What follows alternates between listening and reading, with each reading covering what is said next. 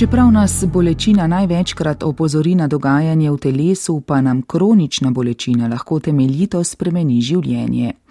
Neuromodulacija je skupno ime za različne oblike terapij, s katerimi na določen način vplivamo na živčni sistem in se učinkovito uporablja za zdravljenje kronične neobvladljive bolečine.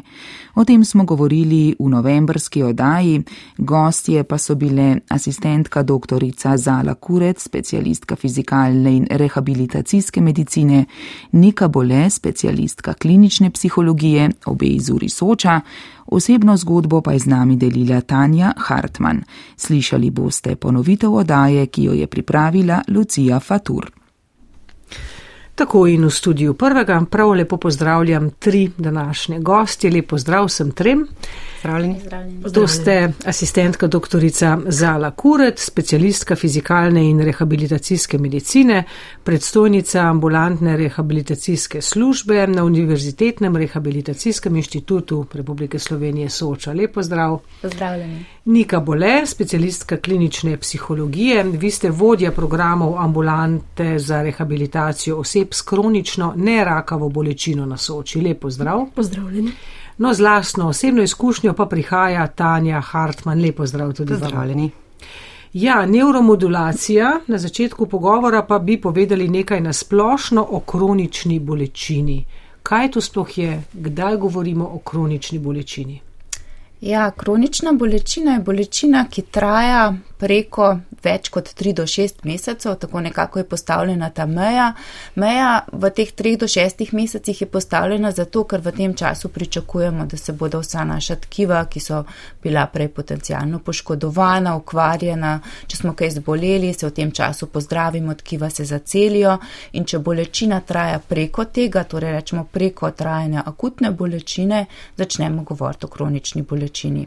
Razlog za kronično bolečino, razlogi so različni. Um, gre pa za spremembe, ki nastajajo, nastanejo v delovanju našega žilčnega sistema. Cel naš žilčni sistem postane nekako preobčutljiv za zaznavanje dražljajev, spremeni se delovanje tako našega perifernega žilčnega sistema, kot tudi našega centralnega žilčnega sistema, kamor sodi hrbtenjača in pa možgani.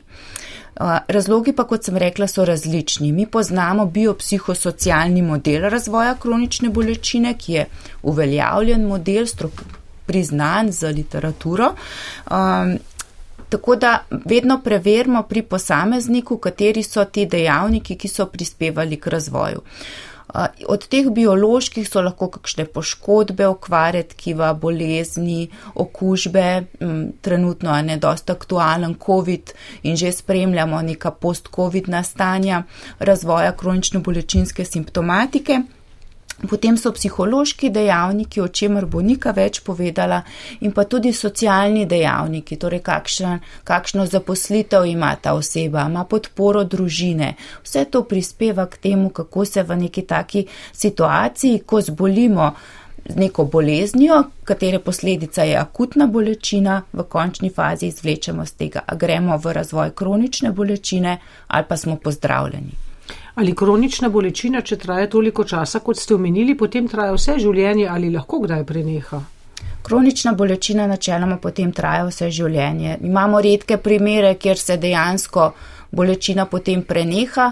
Večina zgodb po uspehu naših pacijentov pa govori o tem, da bolečino sprejmejo kot simptom, kot nekaj, kar jih v življenju spremlja, ampak jih več ne ovira in ne vpliva toliko na njihovo kakovost življenja.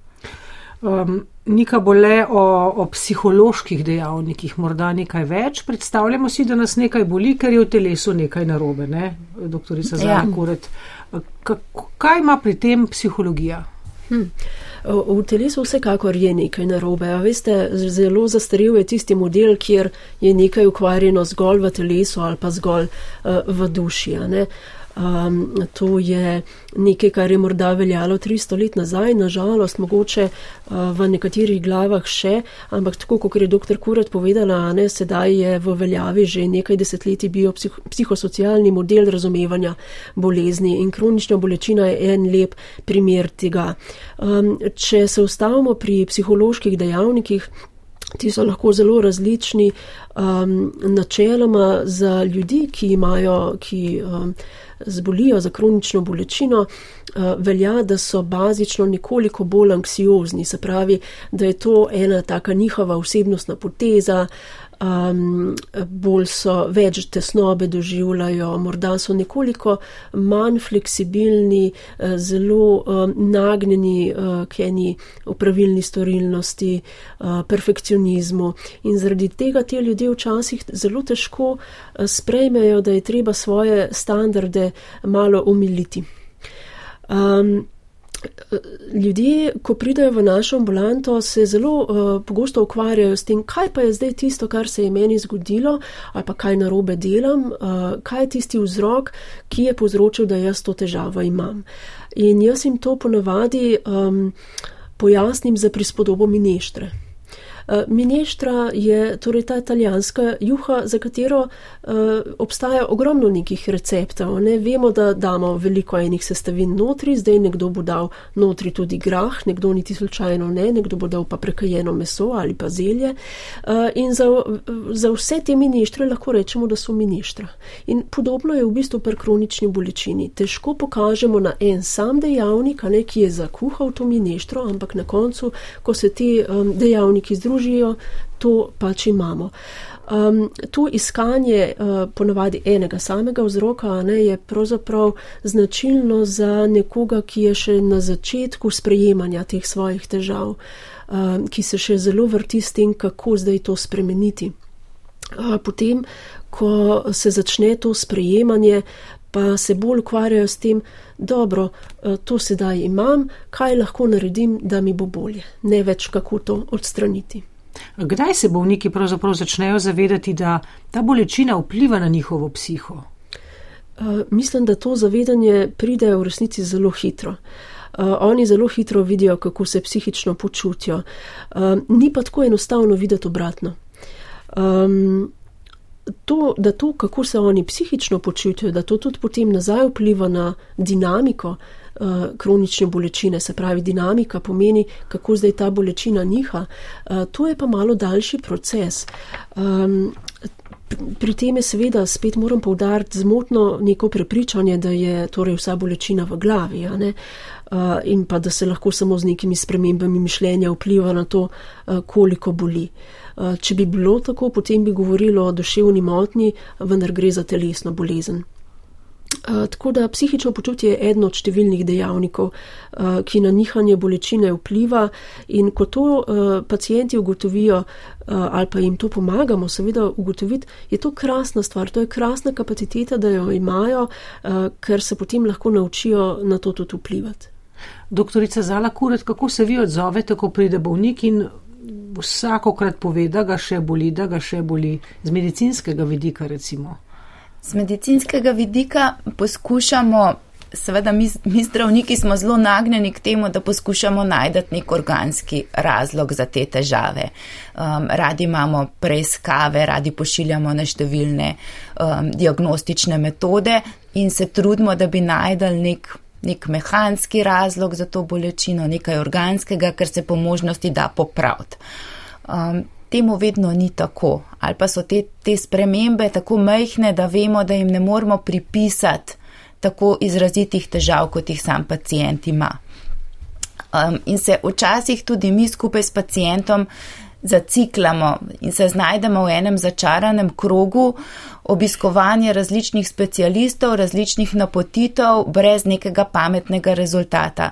In k nam prihajajo številni pacijenti z debelimi mapami izvidov, kjer v bistvu niso ugotovili nič posebnega, nobenih posebnih odstopanj, vsekakor pa ne nekih organskih težav, ki bi pojasnevali številne težave, ki jih naši pacijenti imajo.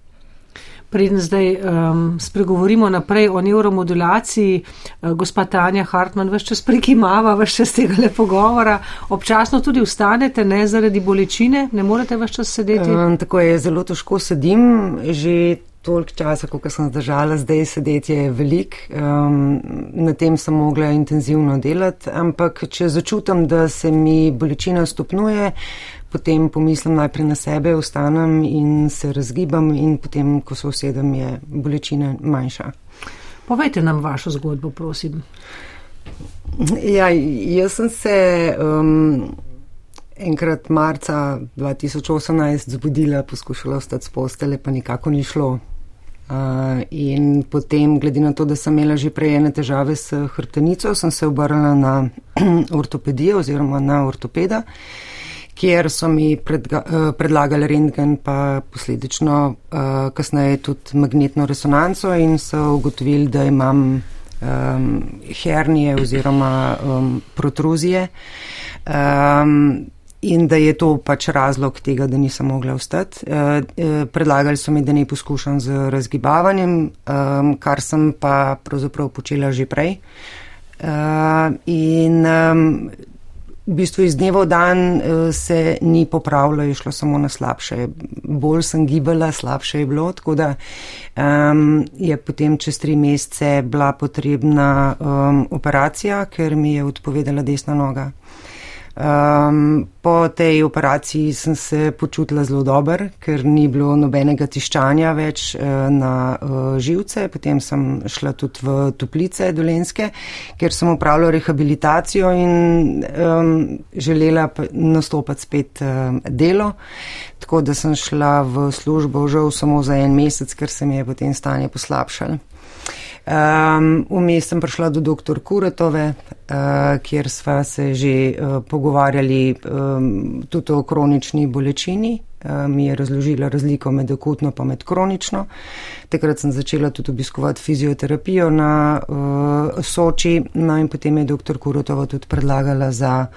Um, če bi uh, bila uh, pripravljena iti na pregled um, kjer ugotovimo, če sem potencijalni kandidat za SCS oziroma neuromodulator. No. Tako se je nekako moja zgodba tukaj na Soči začela.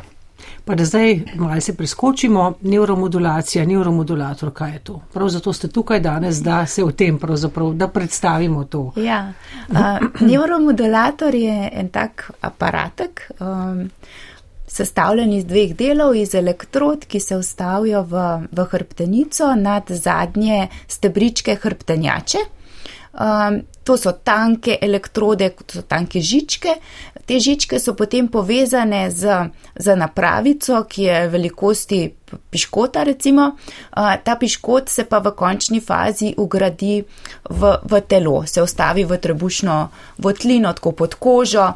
Um, in v bistvu ta, te elektrode potem sprožajo električne dražljaje nad hrbtenjačo in s tem, s tem kontrolirajo tako dohodne kot odhodne signale. Ne, mi zaznavamo bolečino iz periferije, te signali iz periferije pridajo do poživcih do hrbtenjače in tam jih zdaj ta neurostimulator zmoti in prepreči, da grejo v določeni meri naprej te informacije do možganov. Po drugi strani pa neuromodulator kontrolira tudi informacije, ki prihajajo iz možganov navzdol po hrbtenjači in po, na periferijo, ne po teh, po teh živcih.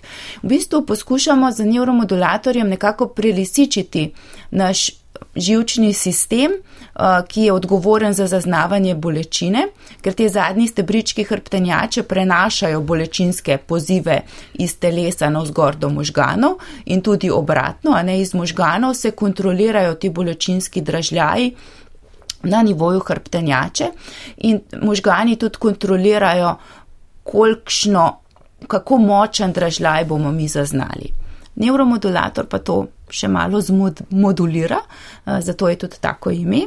In dejansko uh, lahko bolečino popolnoma prekine, večinoma pa pacijenti poročajo o tem, da spremeni zaznavo, da je to bolj neko prijetno mravlinčenje, toplota, nekako spremeni ta, ta bolečinski signal v nek bolj prijeten dražljaj. Mi z neuromodulacijo ne zdravimo bolezni, ne zdravimo motoričnih okvar, nekdo, ki zaradi okvare živca, ne kot gospa Tanja, um, ki ne more prav kontrolirati stopala, z neuromodulacijo tega ne bomo popravili. Plivamo res samo na zaznave. Za katero koli bolečino? Ne. Uh, zelo pomembno je, da izberemo, da pravilno izberemo pacijenta. Učinkovit je neuromodulator v primeru neuropatske bolečine, torej bolečine, za katero je odgovorna okvara živca. Uh, največ izkušenj imamo pri nas um, z, z pacijenti, ki so šli, tako kot gospa Hartmann, preko nekega operativnega posega, ki je mogoče bil za neko obdobje učinkovit, je dobro pomagal, potem pa se je postopno stanje spet poslabšalo. Ko so oni prešli v neke običajne dnevne aktivnosti in prejšnja upravila, se je stanje povrnilo, bolečina znova vrnila. Um, to se v bistvu zgodi kar pogosto. Tudi v literaturi imamo od 20 tudi do 60 procentno poročanje o neuspešnih operacijah uh, na hrbtenici in se tudi v tujini največ uporablja neuromodulacija ravno za te pacijente s tako imenovanim feedback uh, syndrome, surgery syndrome, uh, kar pomeni sindrom neuspešnega operativnega posega na ledveni hrbtenici. Koliko ima tukaj zraven in kaj je pravzaprav nika bole psihološki pristop do bolnika? Klinični psiholog se v to zdravljenje vključuje od samega začetka skupaj z specialistom fizikalne in rehabilitacijske medicine. Zelo pomembno je na začetku z pacijentom se sploh pogovoriti, a je za takšno zdravljenje motiviran. Namreč to zdravljenje vseeno pomeni ustavitev tujka v telo, življenje s tem tujkom pomeni tudi ponovno operacijo in eh, kot je dr. Kurec omenila, ne, eh, mnogi te ljudje so po operacijah, ki za nekatere od njih so bile morda tudi eh, traumatska izkušnja. Tako da odločitev za ponovno operacijo nikakor ni vedno lahka. Včasih se tudi zgodi, da se v bistvu odločimo, da gre pacijent raje na neinvazivno zdravljenje in nekateri celo potem ugotovijo, da jim to ustreza oziroma da je to to dovolj in da ne potrebujejo nadaljnega, torej neuromodulacijskega zdravljenja. Pri tistih, pri katerih pa uh, z neinvazivnimi, torej z rehabilitacijo, s takim postopkom ni dovolj, ne, do, ne uh, dosežemo dovolj učinka, pa je neuromodulacija lahko zelo uspešna. In zdaj tukaj te psihološki dejavniki so seveda zelo pomembni. Jaz vedno pravim, da ne gre za to, kako je aparat učinkovit, ampak kdo v bistvu uporablja ta aparat. Um, se pravi, če bi recimo nek pacijent imel neko nezdravljeno eh, psihično motnjo, recimo govoriva o depresiji, kakšnih paničnih napadih, psihotični motnji, uh, je to lahko zelo eh, motečenje. Najprej treba tretirati, obravnavati to motnjo, potem pa naprej v takšno zdravljenje. Zakaj? Uh, zato, ker, kot rečeno, uh, pacijent in aparat delujeta skupaj v eni taki zanimivi simbiozi. Uh, o tem bo mogoče Tanja ja, uh, kaj ja. več povedala. Um, uh, življenje s tem aparatom je um, dejansko ne, nekaj tako tak zanimivega, no, Tanja. Ja, kako um, veste, ta? ja. ja, jaz menim, da lahko rečem, da pravzaprav šele s pomočjo neurostimulatorja sem jaz lahko začela delati na sebi oziroma delati sama sabo.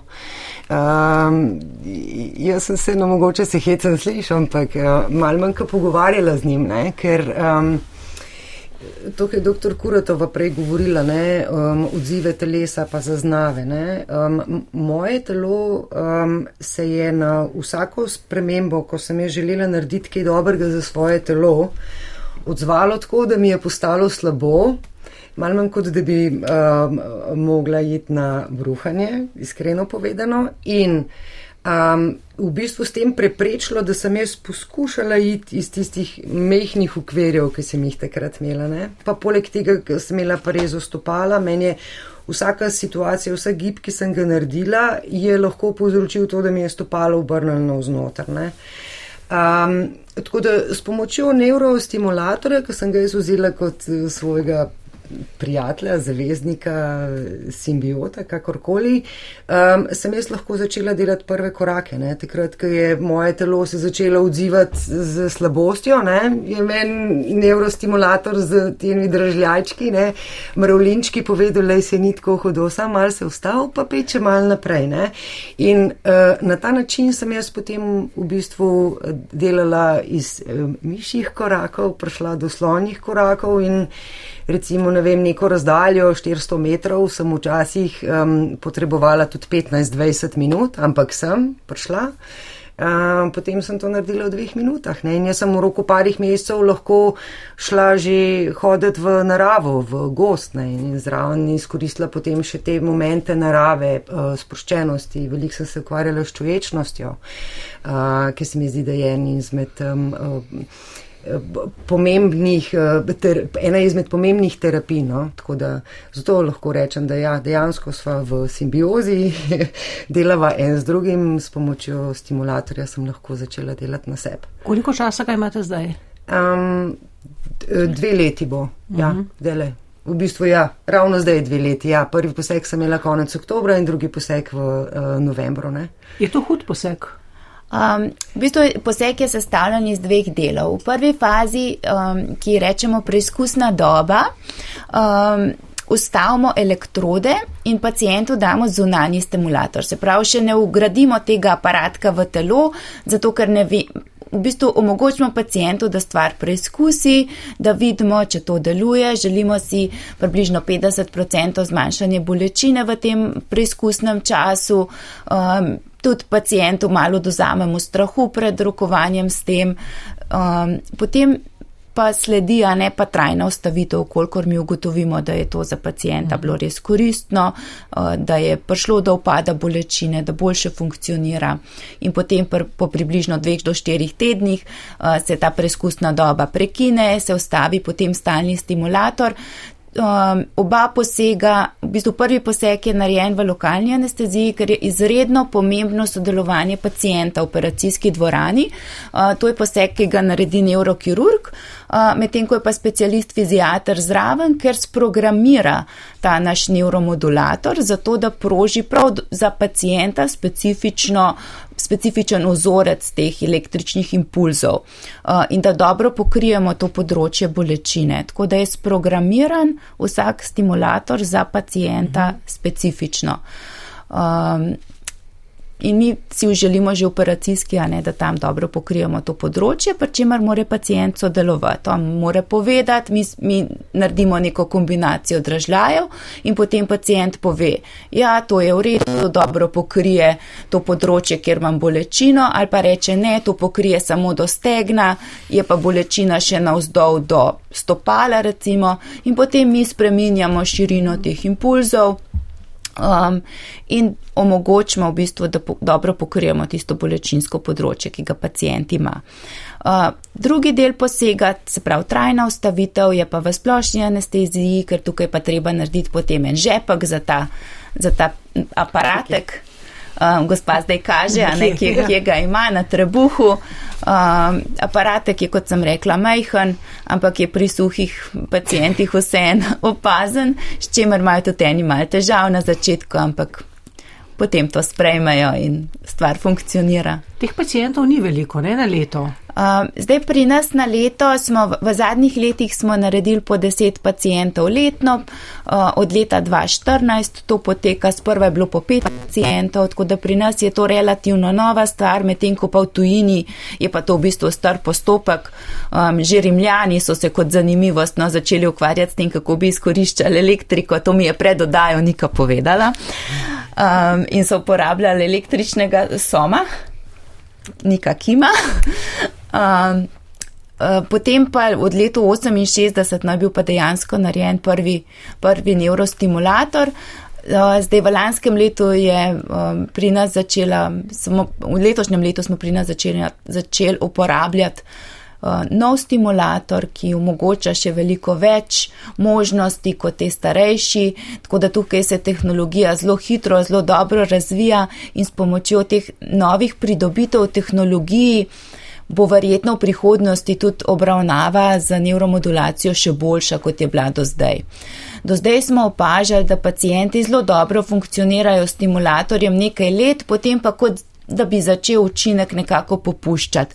Uh, jaz mislim, da je tukaj predvsem pro, velik problem na strani pacijenta um, in če mi ne vnesemo nekih sprememb v svoj življenjski slog, -hmm tudi dolgoročno nobena terapevtska opcija ne bo učinkovita. Ti terapevtski pristopi, a ne so lahko zelo raznoliki, ali so operacije, ali so zdravila, ampak če mi nekaj nečesa ne bomo spremenili pri sebi, ne bo, ne bo učinkovitosti. In zato je tudi gospa Tanja ta krasen primer, kjer je bil res ta stimulator, en pomočnik, ena opora. Jaz rada rečem, da je to ena bergla na poti v boljše življenje s kronično bolečino. Ni nekaj, kar lahko nadomesti vse ostalo delo, ki ga more pa oseba opraviti sama.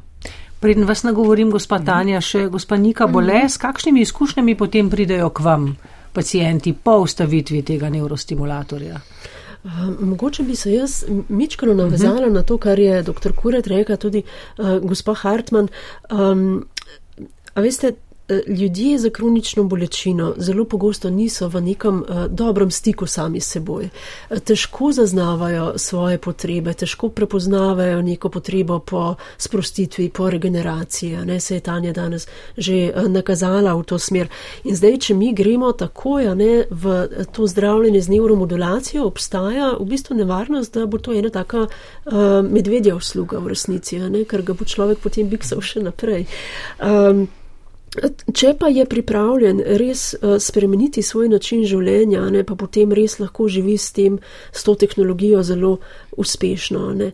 Sicer pa res to lahko postane nekaj, kar je potem še večja težava. Zaradi tega je tako pomembno, da zdravljenje z neuromodulacijo vedno združujemo še z rehabilitacijo, ki jo upravljamo pri nas na Soči. To je pa v bistvu tak celosten pet tednov trajajoč rehabilitacijski program, kjer se pa ljudje v bistvu naučijo, kako za svojimi lastnimi veri uh, obvladovati kronično bolečino.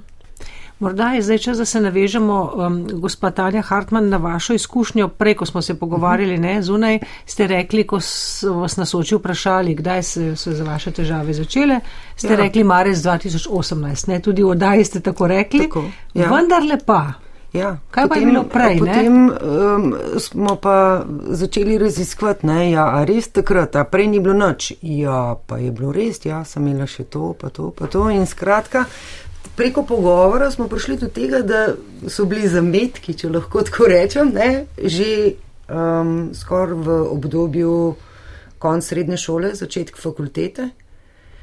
Um, takrat sem šele začela um, um, razmišljati v tej smeri, kot mi je tudi uh, gospa doktor lepo rekla. Ne? Pomislite, na kakšne vse načine vas je telo že upozarjalo, da se dejte malo umiriti, da vzamete si čas za sebe, um, da je treba se sprostiti, da je treba misliti na se, ne samo na druge. Pa jaz, ja, pa če ne, ja, ne. To vas Kako je zdaj. Kako ste živeli prej? Ja. Ja, jaz sem, um, dru, ja, jaz sem drugače um, profesorica defektologije, se um, delam z otroci s posebnimi potrebami uh, in že od malih um, nog sem rada pomagala ljudem. Um, tudi prijatelji okoli mene so bili um, pogosto tudi kakšni taki, ki jih vsi drugi niso marali, so pa pri meni najdel zatočišče, tako da sem jim pomagala. No, Najprej je bila sicer moja želja, da bom najprej pediatrinja, pa je potem se izkazalo, da nisem šla tja. Skratka, sem šla potem na defektologijo in jaz sem že za časa študija potem še zraven delala, ne? ker sem rekla, da pač ne morem jaz um, delati z ljudmi, če ne vem, ali sem za to v redu ali ne. ne? Tako da so bili v bistvu moji delovniki v čestih zjutraj do sedmih, osmih zvečer. Ne? In že za časa fakultete sem enkrat zelo zbolela, tako da sem bila primorana ostati doma, ampak takrat sem bila pol tudi v svojem najemu in sem mogla hitro nazaj delati, zato da sem si lahko plačala najem. Ne. Tako da potem so se začele pa težave s kolenom, ker sem tudi rada se z um, adrenalinskimi športi in aktivnostmi ukvarjala, ker sem mogla na nek način pač vsem se sprostiti. Uh, tako da pa sem imela še poseg na koleno. No, in, um, tudi v bistvu v tistem obdobju, ko so se meni začele težave s hrbtenico, ne, sem jaz mislila, da bom. Jaz sem se zavedala tega, da je lahko tudi stres povzročitelj ne, vsega tega, pa moja deloholičnost, pa to, ampak um, jaz sem se napačno lotila tega, ne, še bolj adrenalinsko. Mm -hmm. Jaz sem šla še bolj telovaditi, ne, meni je telovadba bila v bistvu antistresna terapija. Sem zjutraj vstala prej, zato da sem lahko malo odtelovadila, da sem šla lahko potem v, v gužvo, ne.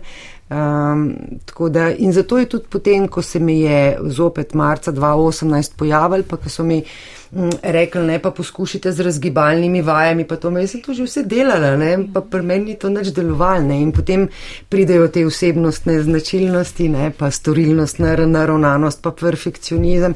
Kako zdaj končno enkrat sem na tem, da hočem sama se pomagati pred drugim, pa si ne znam, ne vem kako, ne, ampak.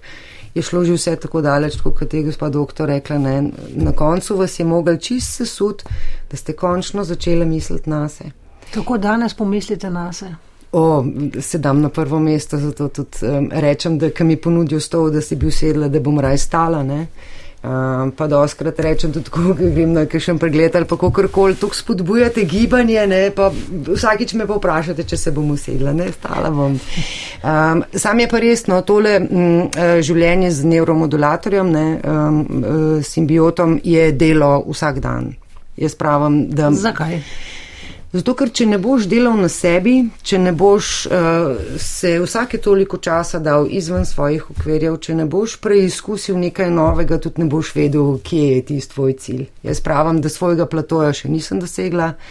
Prišla sem od tega, da sem komi hodila, pa s palcami hodila, da nisem mogla voziti, do tega, da lahko vozim in da lahko redno obiskujem službo kar mi da tudi eno pripadnost, koristnost, ki je še vedno ostala uh, družbi. Rada sem med ljudmi in me to potem še toliko izpopolnjuje oziroma izpopolnjuje tudi moje zdravje. No. A so bolniki razočarani, ko jim poveste, da morda pa niso primerni za, za ta neurostimulator? Kako je s tem? Eh, seveda sem pa kje, eh, kakšen je eh, res razočaran. A veste, od, že dr. Kurat je prej rekel, približno deset na leto jih izberemo. Ne? To je malo, Pride, neverjetno pa je. To je malo, več. kandidatov samih pa je 40. Mhm.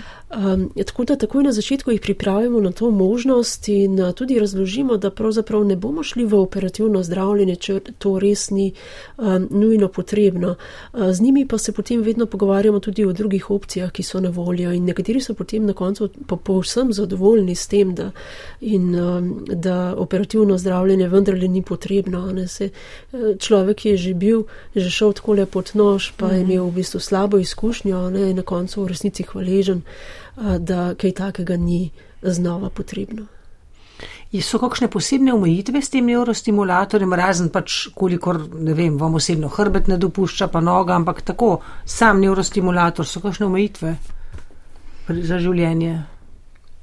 Ekstremni ekstremni napori, gibi, um, vsekakor odsvetovano. To je itak že tudi eh, za, samo, za same hrbteničarje, kot smo mi, um, je pomembno in uh, v bistvu, kako se usedeš, kako vstaneš, kako spiš, kako ležiš. Um, Sploh, mislim, normalno življenje, če živiš normalno življenje, ni nekih posebnih omejitev, so pa seveda ekstremne uh, situacije. Ne? Se kdaj kaj pripeti, ne vem, da morate spet do morda dr. Kuretove ali pa knjigi bole klinični psihologinji? Um, ja, mislim, jaz že, že iz tega psihološkega uh, vidika mi je, mi je všečno, če lahko tako rečem, da vem, da tako na dr. Kuretovo kot na uh, gospod Bole se lahko obrnem, uh, kadarkoli imam kakršne koli težave, če so direktno ali pa indirektno povezane z neurostimulatorjem. Predvsem pa vem, da ste tudi obe hvaležni za kakršno koli povratno informacijo, ki bi lahko tudi njima pomagala mogoče pri drugih naslednjih pacijentih. Ker lastne izkušnje so vse nekaj drugega no, kot. kot um, če jih nimaš. No. Kako danes živite, recimo, s to bolečino, vendar le bolečina je še vedno ja. prisotna? Ja, samo uh -huh. moja, moje življenje je bolj kvalitetno, ker zdaj živim. Uh, zdaj mislim na sebe, um, delam premike, um, pa hkrati in kljub temu lahko pomagam drugim, oziroma še bolj. Kakšne so še vajne izkušnje z drugimi pacijenti? Se mi zdi, gospod Tanja Hartmann je res uh, ne, tak ja. optimističen primer. Ja. To, uh, kar je uh, gospod Tanja zdaj napovedala, je nekaj, kar v bistvu pogosto slišimo. In uh, na začetku, ko sem začela delati na tem področju, sem to kar težko verjela. Zdaj pa, ko sem to zgodbo že tolkrat slišala, ne, uh, vidim, da dejansko je nekaj na tem. Uh, ljudje povejo, da na koncu rehabilitacije ponovadi to povejo, da kljub kronični bolečini oni zdaj živijo bolj kvalitetno, kot pa so prej, ko so bili zdravi. Um, bolj znajo ceniti sami sebe, svoje telo, uh, do njega so bolj nežni, bolj prizanesljivi, uh, znajo živeti bolj čuječe, bolj v stiku sami sabo, ne? uh, z nekimi ustreznimi mejami, tako do sebe, kot do drugih. Um, in to se mi zdi, da kaže, kako prilagodljivi smo ljudje v bistvu v resnici. Mm. Zdaj uh, obstajajo pa še m, sicer tudi kronična bolečina kot taka in se ne da pomagati z neurostimulatorjem, mm -hmm. uh, na soči se tudi s tem ukvarjate, ja, Kako pa imamo... to vladujete še druge stvari? Mm -hmm. Mi imamo programe za bolnike s kronično bolečino, v, v te programe so vključeni tudi pacijenti za neurostimulatorjem, lahko da je to ukrep, ki ga izvedemo pred samim posegom, ne, mislim, da je tudi prva zblo uh, tako, ne. Tudi, ja. um, Pri gospetanji je šla najprej v program, potem dobila neurostimulator in potem je šla še enkrat čez program z neurostimulatorjem, ker je drugačna izkušnja, ne, potem, ko, uh, ko, ko je neurostimulator ustavljen. Ampak kot rečeno, ne, teh pacijentov je malo, uh, mi pa redno obravnavamo pacijente, ki imajo kronično bolečino, večinoma razširjenega tipa, torej imajo bolečine po praktično celem telesu, vsakodnevno, več let. Uh, mi v, programu, v našem programu delujemo interdisciplinarno, mi vključujemo uh, poleg kliničnega psihologa še fizioterapeuta, delovnega terapeuta, socialnega delo, delavca in pa specialista fiziatra. Tako da celostno pristopamo k pacijentom, poskušamo uh, vsak svojega vidika um, osvetliti njegove težave, pomagati pri tem uh, in ga ponovno nekako postaviti v neko čim bolj normalno življenje. Um, teh bolnikov je najbrž veliko. Teh bolnikov je zelo veliko, zato imamo tudi zelo dolgo čakalno dobo. Um, dve do tri leta, dve leti za hitro in uh, tri leta za Eh, za redno, to je samo za prvi pregled v naši ambulanti. Ob tem pregledu, ki ga tudi opravimo timsko, eh, že ob tem pregledu pacijenta pregleda eh, fizijater, klinični psiholog, socialni delavec in fizioterapeut. Mi se potem na podlagi tega pregleda odločimo, za kateri program se bomo odločili oziroma se bomo sploh odločili za katerega od naših rehabilitacijskih programov. Um, zaradi te dolge čakalne dobe si mi tudi zelo želimo okrepiti naše kadrovske in prostorske zmožnosti. Smo v fazi, uh, ko si prizadevamo, da bi zgradili novo kliniko, uh, tako da bo um, to eno, eno pomembno področje no, tudi v prihodnje, ker pacijenti se, uh, se nam kopičijo uh, uh -huh. s. COVID-om, se um, povečuje število pacijentov, ki imajo ta tako imenovani sindrom dolgega COVID-a, ki imajo podobne težave kot naši pacijenti, jaz tega niti ne bi tako zelo ločevala, no, ker tudi pri pacijentih s kronično bolečino so pogosto bili izhodiščni razlogi v kakšnih okužbah. Kako si človek sploh lahko pomaga, če čaka dve leti na prvi v, pregled? V tem umestnem času. Ja. Um, ja, tukaj je precejšna obremenitev na, na strani družinskih zdravnikov. Mi se tega zavedamo, da bi bilo potrebno nekako urediti to mrežo rehabilitacije tudi na primarni in sekundarni ravni, uh, tudi omogočiti prejšnje zaznavanje tvegan za razvoj kronične bolečine. Uh, tako da je to tudi en projekt, ki ga nameravamo speljati v prihodnosti, tako kot tudi obravnavo kronične bolečine pri mladostnikih in mladih odraslih, ki tudi zaenkrat um, ne pokrito področje v Sloveniji, tako da so to cili naše ambulante za prihodnost, ko bodo, kot sem rekla, kadrovske in prostorske možnosti zagotovljene. Nika bole, o čem se vi pogovarjate s pacijenti? Prav gotovo jih imate tudi vi veliko z najrazličnejšimi težavami.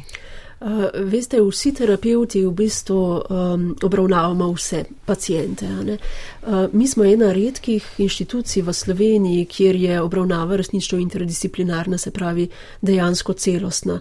Um, Vloga kliničnega psihologa je tukaj predvsem to, da pacijent zna Eh, pogledati že na vse svoje dosedanje obravnave, da eh, razume, kaj je tisto, kar za njega deluje, kaj ne, del, ne deluje, da se ne zatakne pri tistih stvarih, na katerih ne more vplivati, da se začne eh, to dolgotrajno sprejemanje, dolgotrajni proces sprejemanja kronične bolečine. To ni nekaj, kar gre čez noč, to je nekaj, kar pravzaprav traja, bi jaz rekla, doživljensko. Mhm um, da spremeni tudi prepričanje o kronični bolečini, da ni to nekaj, kar ga psihično obremenjuje, ampak da je to v bistvu za njega bolj informacija, uh, kako, kako pravzaprav živeti. Vas še kdaj, gospa Tanja, obremenjuje ta vaša bolečina? In kako se iz tega izvlečete? Um, težko rečem, da me obremenjuje, vsekakor imam pa dobre, pa slabe dneve. Um, vedno več je dobrih uh, in vedno krajši so slabi. Tako da sama sabo uh, pogovorim se, uh, grem na sprehod, odkrila sem veliko novih hobijev, uh, ker si nisem mogla toliko gibati, sem začela risati. Tako da sem spoznala še tudi posledično različne oblike terapije. Tako da živim vsak dan, no. go with the flow. Hvala lepa vsem trem za obisk v tokratni oddaji med štirimi stenami. Vsem želim veliko zdravja, pa da bi um, kar največ ljudi prišlo čim prej na vrsto tudi v vaših ambulantah. Asistentka doktorica Zala Kuret, specialistka fizikalne in rehabilitacijske medicine, ste predsojnica ambulantne rehabilitacijske službe, Nika Bole, specialistka klinične psihologije, vodja programov ambulante za rehabilitacijo oseb s kronično nerakavo bolečino, prihajate iz Soče in Tanja Hartmann z osebne izkušnje. Hvala lepa, ker ste jo delili z nami. Hvala vam za povabilo. Srečno vsem trem. Hvala. Hvala.